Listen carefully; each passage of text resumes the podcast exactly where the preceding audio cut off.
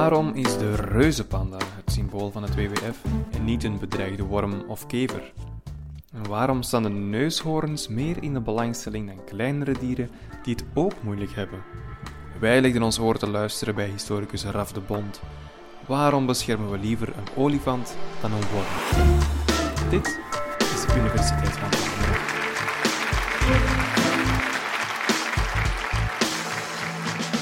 In 2012 verscheen er een foto in de krant van Juan Carlos. Dat was op dat moment de uh, koning van Spanje. Hij was op vakantie geweest naar uh, Namibië en had daar een olifant geschoten. Uh, en dat was een groot schandaal in de pers. Er waren verschillende redenen waarom dat een groot schandaal was. Maar een van de redenen was dat Juan Carlos op dat moment ook de voorzitter was van de Spaanse afdeling van het Wereld Natuurfonds. En Zoals u weet is een van de speerpunten van de campagnes van het Wereld Natuurfonds net de bescherming van diezelfde olifant. Maar waarom eigenlijk? Waarom willen we olifanten beschermen? En uh, ook uh, andere grote charismatische diersoorten zoals uh, neushoorns of gorillas of tijgers. Waarom willen we bijvoorbeeld niet de Lake Pedder regenworm beschermen. Ik weet niet of er hier iemand ooit al van de Lake Pedder regenworm heeft gehoord. Iemand? De Lake Pedder regenworm is heel lang een bedreigde diersoort geweest. Is in de jaren 70 van de vorige eeuw ook uitgestorven. Er zijn geen campagnes gevoerd. Red de Lake Pedder regenworm. Maar waarom olifanten wel en wormen niet? Ik denk dat dat veel met uh, de geschiedenis te maken heeft. Ik ben zelf historicus van achtergrond. En ik denk dat de reden waarom we olifanten willen beschermen veel te maken heeft met precies de reden waarom uh, Juan Carlos het interessant vindt om op diezelfde olifanten te gaan jagen. Uh, ik ga even met u terug in de tijd, meer dan 100 jaar terug, naar de jaren 1880. En toen gingen twee neven, Paul Sarrazin en Frits Sarrazin, die gingen naar Ceylon, dat is het hedendaagse Sri Lanka, en wel, de foto lijkt een beetje op wat je net gezien hebt. Uh, zij uh, waren daar om uh, natuurhistorische objecten te verzamelen. En eh, met name Paul Sarrazin die zou later heel bekend worden als zijnde de pionier, de vader van de internationale natuurbescherming. Ook het Wereld Natuurfonds die, ehm, verwijst nog heel regelmatig naar hem als inderdaad een van de grondleggers van de internationale bescherming van soorten over de hele wereld. En samen met zijn neef ging hij dus naar, naar Ceylon. En het idee was, we nemen zoveel mogelijk natuurhistorische objecten mee terug naar Zwitserland. Uh, die olifant was er daar één van. Uh, maar die olifant die stond ook symbool voor iets groter. Die stond symbool voor de gehele wildernis. En die wildernis dat was voor Paul Sarrazin en voor Frits Sarrazin het tegenbeeld van uh, de plek waar ze zelf vandaan kwamen, het wat uh, mondaine uh, Basel van het fijne siècle, een gesofisticeerde stad in Zwitserland. En zij wilden eigenlijk het, het, het tegendeel daarvan vinden. Je moet dat ook zien in de, in de koloniale context van die tijd. Zij zagen zichzelf echt als ontdekkingsreizigers die de lege vlekken, de, de blanke vlekken op de landkaart gingen invullen. Het was op die plaatsen meenden zij dat je nog de laatste echte wildernis zou kunnen vinden. Um, je moet dan denken aan, um, aan regenwouden, ondoordringbare regenwouden of uh, eindeloze savannes, met ook de iconische dieren die, daar, uh, die daarbij horen. Maar waarom vinden nu twee neven uit Basel uh, zo'n verre wildernis aantrekkelijk? Waarom zouden zij de hele wereld willen rondreizen om naar die verre wildernis te gaan? Uh, dat heeft veel te maken met de geschiedenis van de 19e eeuw, waarin die wildernis al heel lang geromantiseerd werd, getheatraliseerd werd in allerlei uh, avontuurlijke reisverhalen, in natuurhistorische musea, in dierentuinen, in schilderijen ook. En er ontstaat een hele verbeelding over die wildernis, wat die wildernis zou moeten zijn. Uh, idealiter is dat uh, een gebied dat, dat, onbewoond is, tenzij misschien door zogenaamde natuurvolkeren, die horen er een beetje bij, bij de wildernis, die worden ook als wild geportretteerd. Ehm, die wildernis wordt ook als een, als een plaats gezien uh, die een beetje gevaarlijk is, een plaats van avontuur, van authenticiteit. Een plaats waar mannelijke karaktertrekken goed tot hun uh, uiting komen. En dan 19e-eeuwse ideeën van wat mannelijkheid zou kunnen zijn, dus doorzettingsvermogen, creativiteit. En die dieren die spelen daarin een cruciale rol. Waarom? Omdat het is in confrontatie met die dieren dat precies die mannelijke kwaliteiten kunnen worden getoond. Het zijn die confrontaties die beschreven worden in die reisverhalen. Het zijn die grote, charismatische dieren die ook een, een cruciale rol krijgen in die natuurhistorische musea, een heel prominente plaats, uh, in die schilderijen. En uh, ga zo maar door. Nu, die, die koloniale verbeelding van uh, wat wildernis is, wat wildernis zou moeten zijn, had uiteindelijk ook een effect op de kolonie zelf. Want er waren een heleboel welgestelde heren die het wel interessant vonden om naar het binnenland van Afrika te trekken en daar zelf zo'n avontuur te beleven, zoals ze in die reisverhalen hadden uh, gelezen.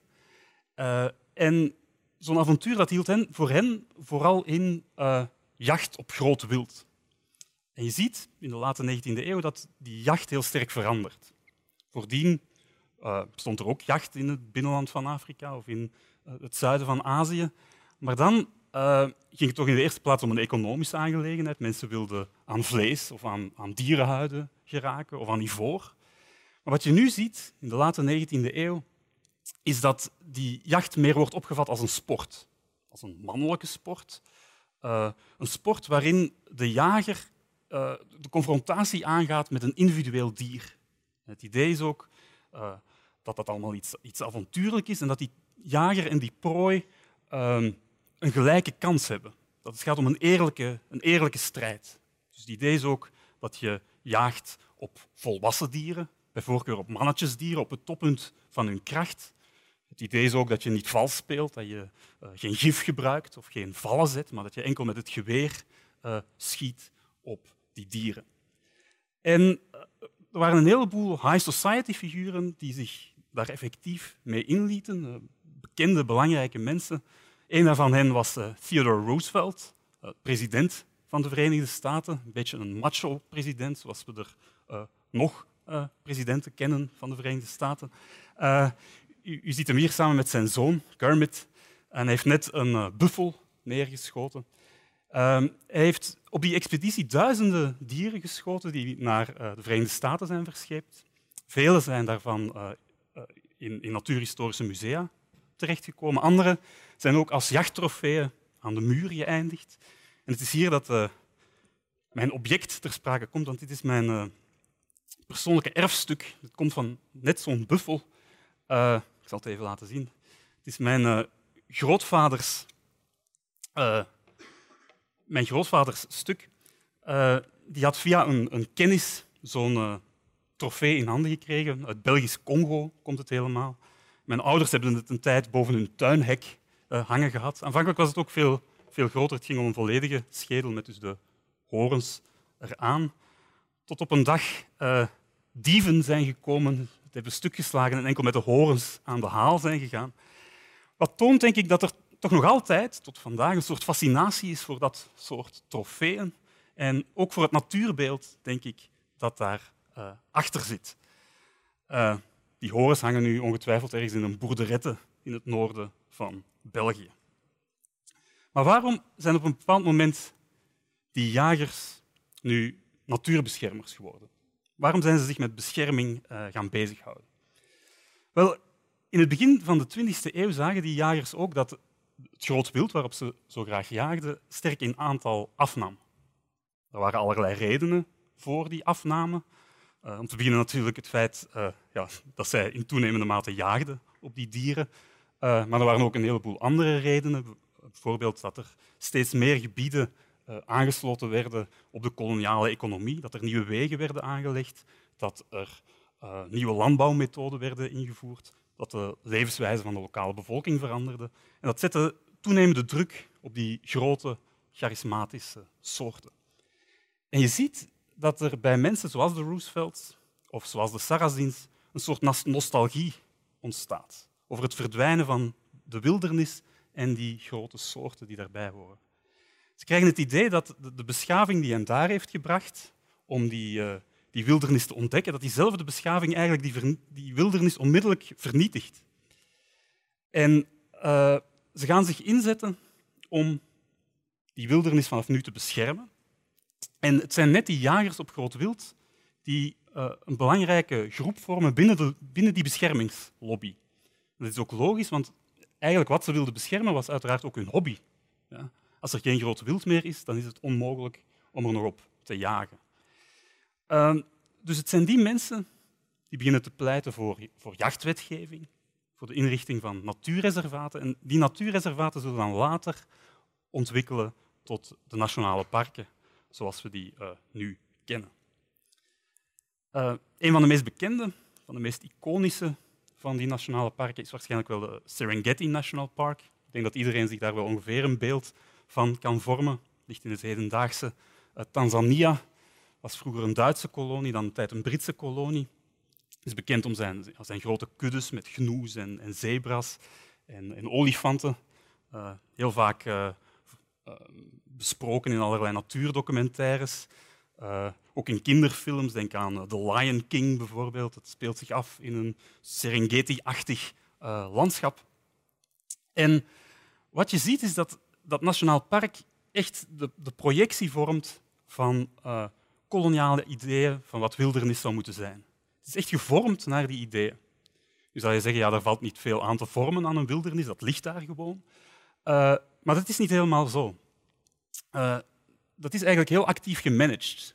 Om de Serengeti te krijgen zoals je het nu hebt, waren er actieve ingrepen nodig. Een van de dingen die bijvoorbeeld gebeurde, is dat de lokale bevolking, want er woonde wel een lokale bevolking, de Maasai, dat die uit dat gebied moest worden gezet. En dat die de toegang werd ontzegd tot bepaalde delen van dat park. Iets anders wat gebeurde, is dat uh, op gezette tijden het park in brand werd gestoken. Want anders zou het toegroeien en zou je die uh, grote dieren niet meer over een grote afstand kunnen zien. Er moest ook een toeristische infrastructuur worden ingericht. Dus je ziet, een heel actieve management uh, is nodig. En wat je krijgt is een soort natuur als een uh, theater, waarin de dieren de acteurs zijn en de toeristen de toeschouwers. En uiteraard, de jacht met het geweer is wel verdwenen in die nationale parken, maar wat je nu ziet is een jacht met het fototoestel. Uh, een jacht met het fototoestel dat heel erg voortbouwt precies op die jacht met het geweer. Uh, de Big Five van het safari-toerisme, de, de, leeuw, de luipaard, de buffel, de olifant en de neushoorn, dat zijn precies die, die dieren die centraal stonden in die 19e-eeuwse jacht. En het zijn ook die dieren die heel centraal zijn gaan staan in de beeldvorming van de internationale natuurbescherming tot op de dag van vandaag. Uh, is er dan echt niks veranderd in die 100, 150 jaar? Is de natuurbescherming van vandaag uh, nog net hetzelfde als die ideeën uit die koloniale tijd? Uh, natuurlijk is er wel een en ander veranderd. Uh, als je kijkt naar de natuurbescherming vandaag, dan zie je dat bijvoorbeeld heel veel nadruk wordt gelegd op biodiversiteit. Maar als je dan iets nauwkeuriger gaat kijken hoe bijvoorbeeld het Wereld Natuurfonds die biodiversiteit wil beschermen, dan zie je heel erg dat er toch een continuïteit is met dat verre verleden. Eén manier om die biodiversiteit te beschermen is via wat het Wereld Natuurfonds noemt biodiversiteitshotspots. Dat zijn plaatsen met veel biodiversiteit en die worden aangeduid op de kaart en daar gaat de meeste aandacht naartoe. En als we dan gaan kijken welke plaatsen dat zijn, dan zijn dat in belangrijke mate precies die plaatsen waarin de koloniale verbeelding, de wildernis, gesitueerd was. Bijvoorbeeld in het binnenland van Afrika, in de Serengeti. Een, ander, uh, een andere manier, uh, volgens het Wereld Natuurfonds, om dan precies die hotspots te beschermen, is via zogenaamde symboolsoorten. Het is via die symboolsoorten dat die hotspots kunnen worden beschermd, zeggen ze. En u kan al raden welke soorten gelden als symboolsoorten. Dat gaat uiteraard om olifanten, het gaat om neushoorns, het gaat om gorillas, het gaat om tijgers. Um, op de website van het Wereld Natuurfonds staat dat we via die dieren de wow kunnen beschermen. En wat maakt nu dat die dieren precies een wow-factor genereren? Ik denk dat dat veel te maken heeft met die hele lange geschiedenis waar ik het zo net over heb gehad. Dus waarom beschermen wij liever olifanten dan wormen? Volgens mij is dat de erfenis van een hele lange geschiedenis, een geschiedenis die ook een koloniale geschiedenis is, en een geschiedenis waarin charismatische zoogdieren, zoals olifanten, het voorwerp geworden zijn van een geritualiseerde jacht en uiteindelijk ook het symbool van een onaangetaste wildernis.